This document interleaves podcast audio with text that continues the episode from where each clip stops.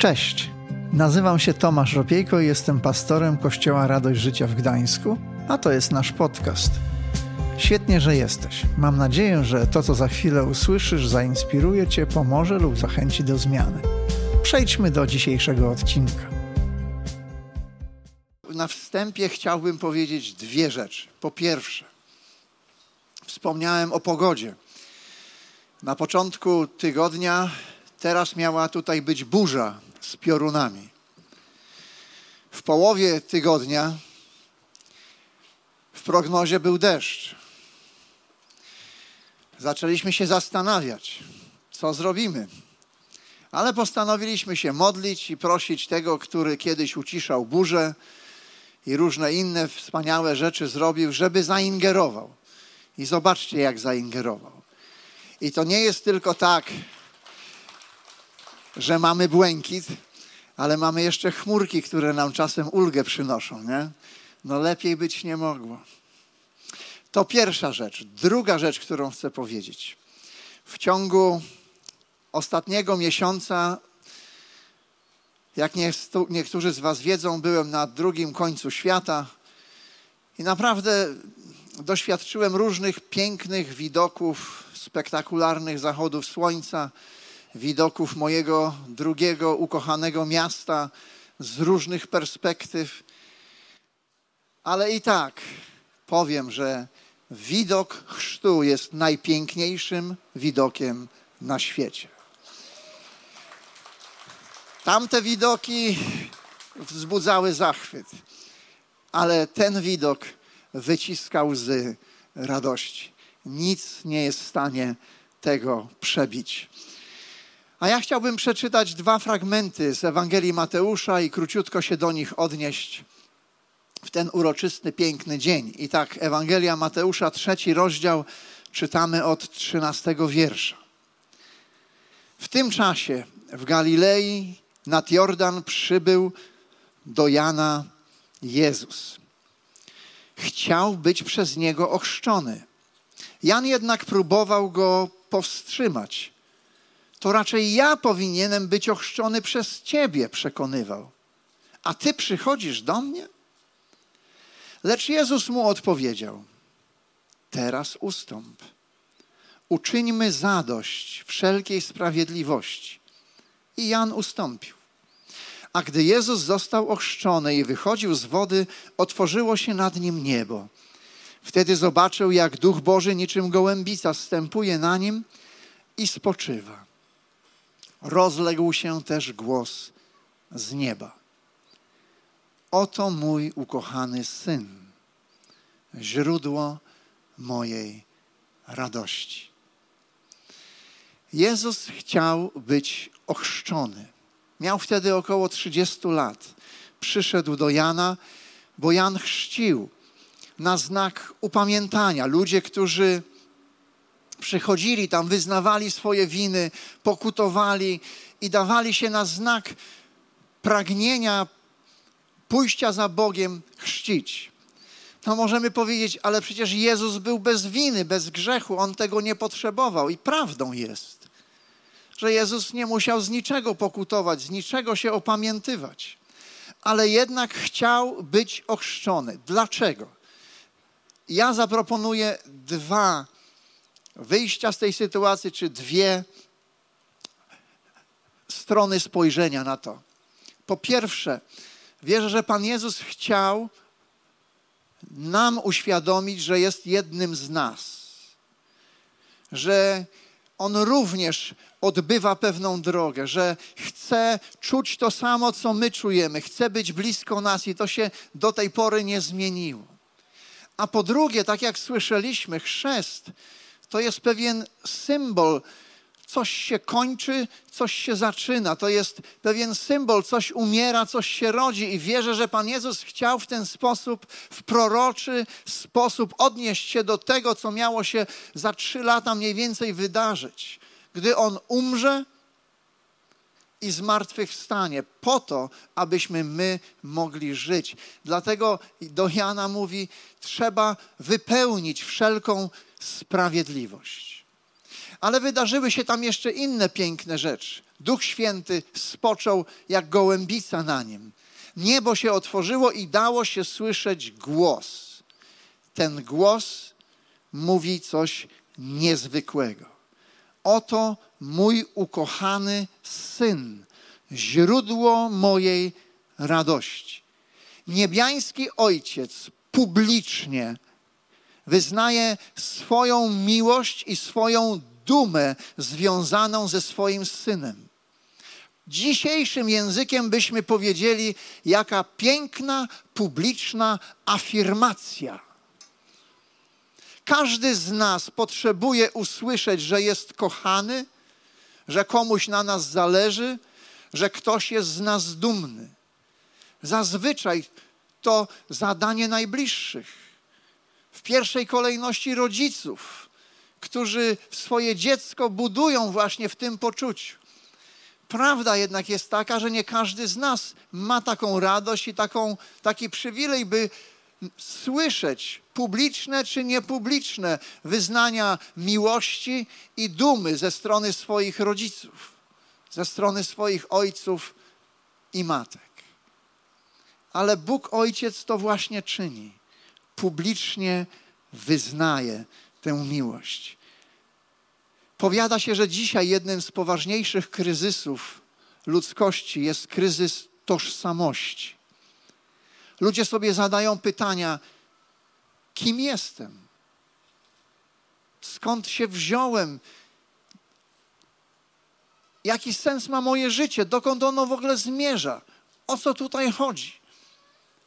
Zadajemy sobie to pytanie, czasami szukamy odpowiedzi, potwierdzenia w niewłaściwy sposób i w niewłaściwych miejscach.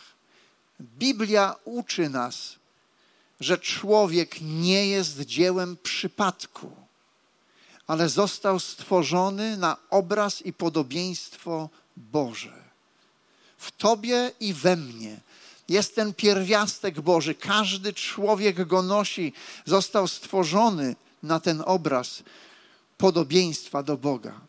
I wierzę, że dzisiaj Bóg, Ojciec z nieba, chce w szczególny sposób powiedzieć do Was, którzy byliście zanurzeni w wodzie chrztu. Chcę Wam powiedzieć tak. Jesteś moim synem ukochanym. Jesteś moją córką ukochaną. Jestem z Ciebie dumny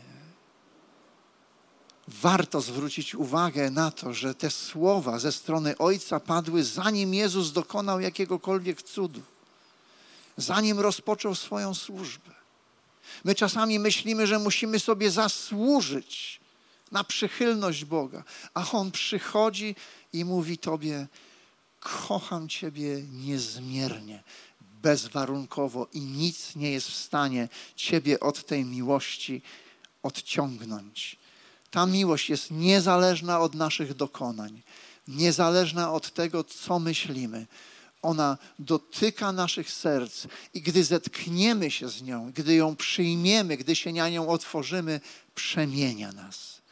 I w tym sensie chrzest jest swoistym potwierdzeniem duchowej tożsamości. To pierwsza myśl. I druga myśl. Będą dwie takie główne myśli, nie będzie trzeciej. Zazwyczaj mają kaznodzieje trzy, a dzisiaj będą dwie. Już właściwie o niej powiedziałem, że chrzest jest początkiem nowego rozdziału w życiu. I tak było w życiu Jezusa. To właśnie po tym, gdy on został ochrzczony przez Jana, gdy odbył próbę na pustyni, wówczas rozpoczął swoją publiczną służbę. Zaczął nauczać o Królestwie Bożym nie tylko jednak nauczał, ale także demonstrował moc i kulturę Królestwa Bożego. Uzdrawiał ludzi, wyprowadzał ich na wolność, uwalniał ich, przywracał im godność, przywracał im nadzieję.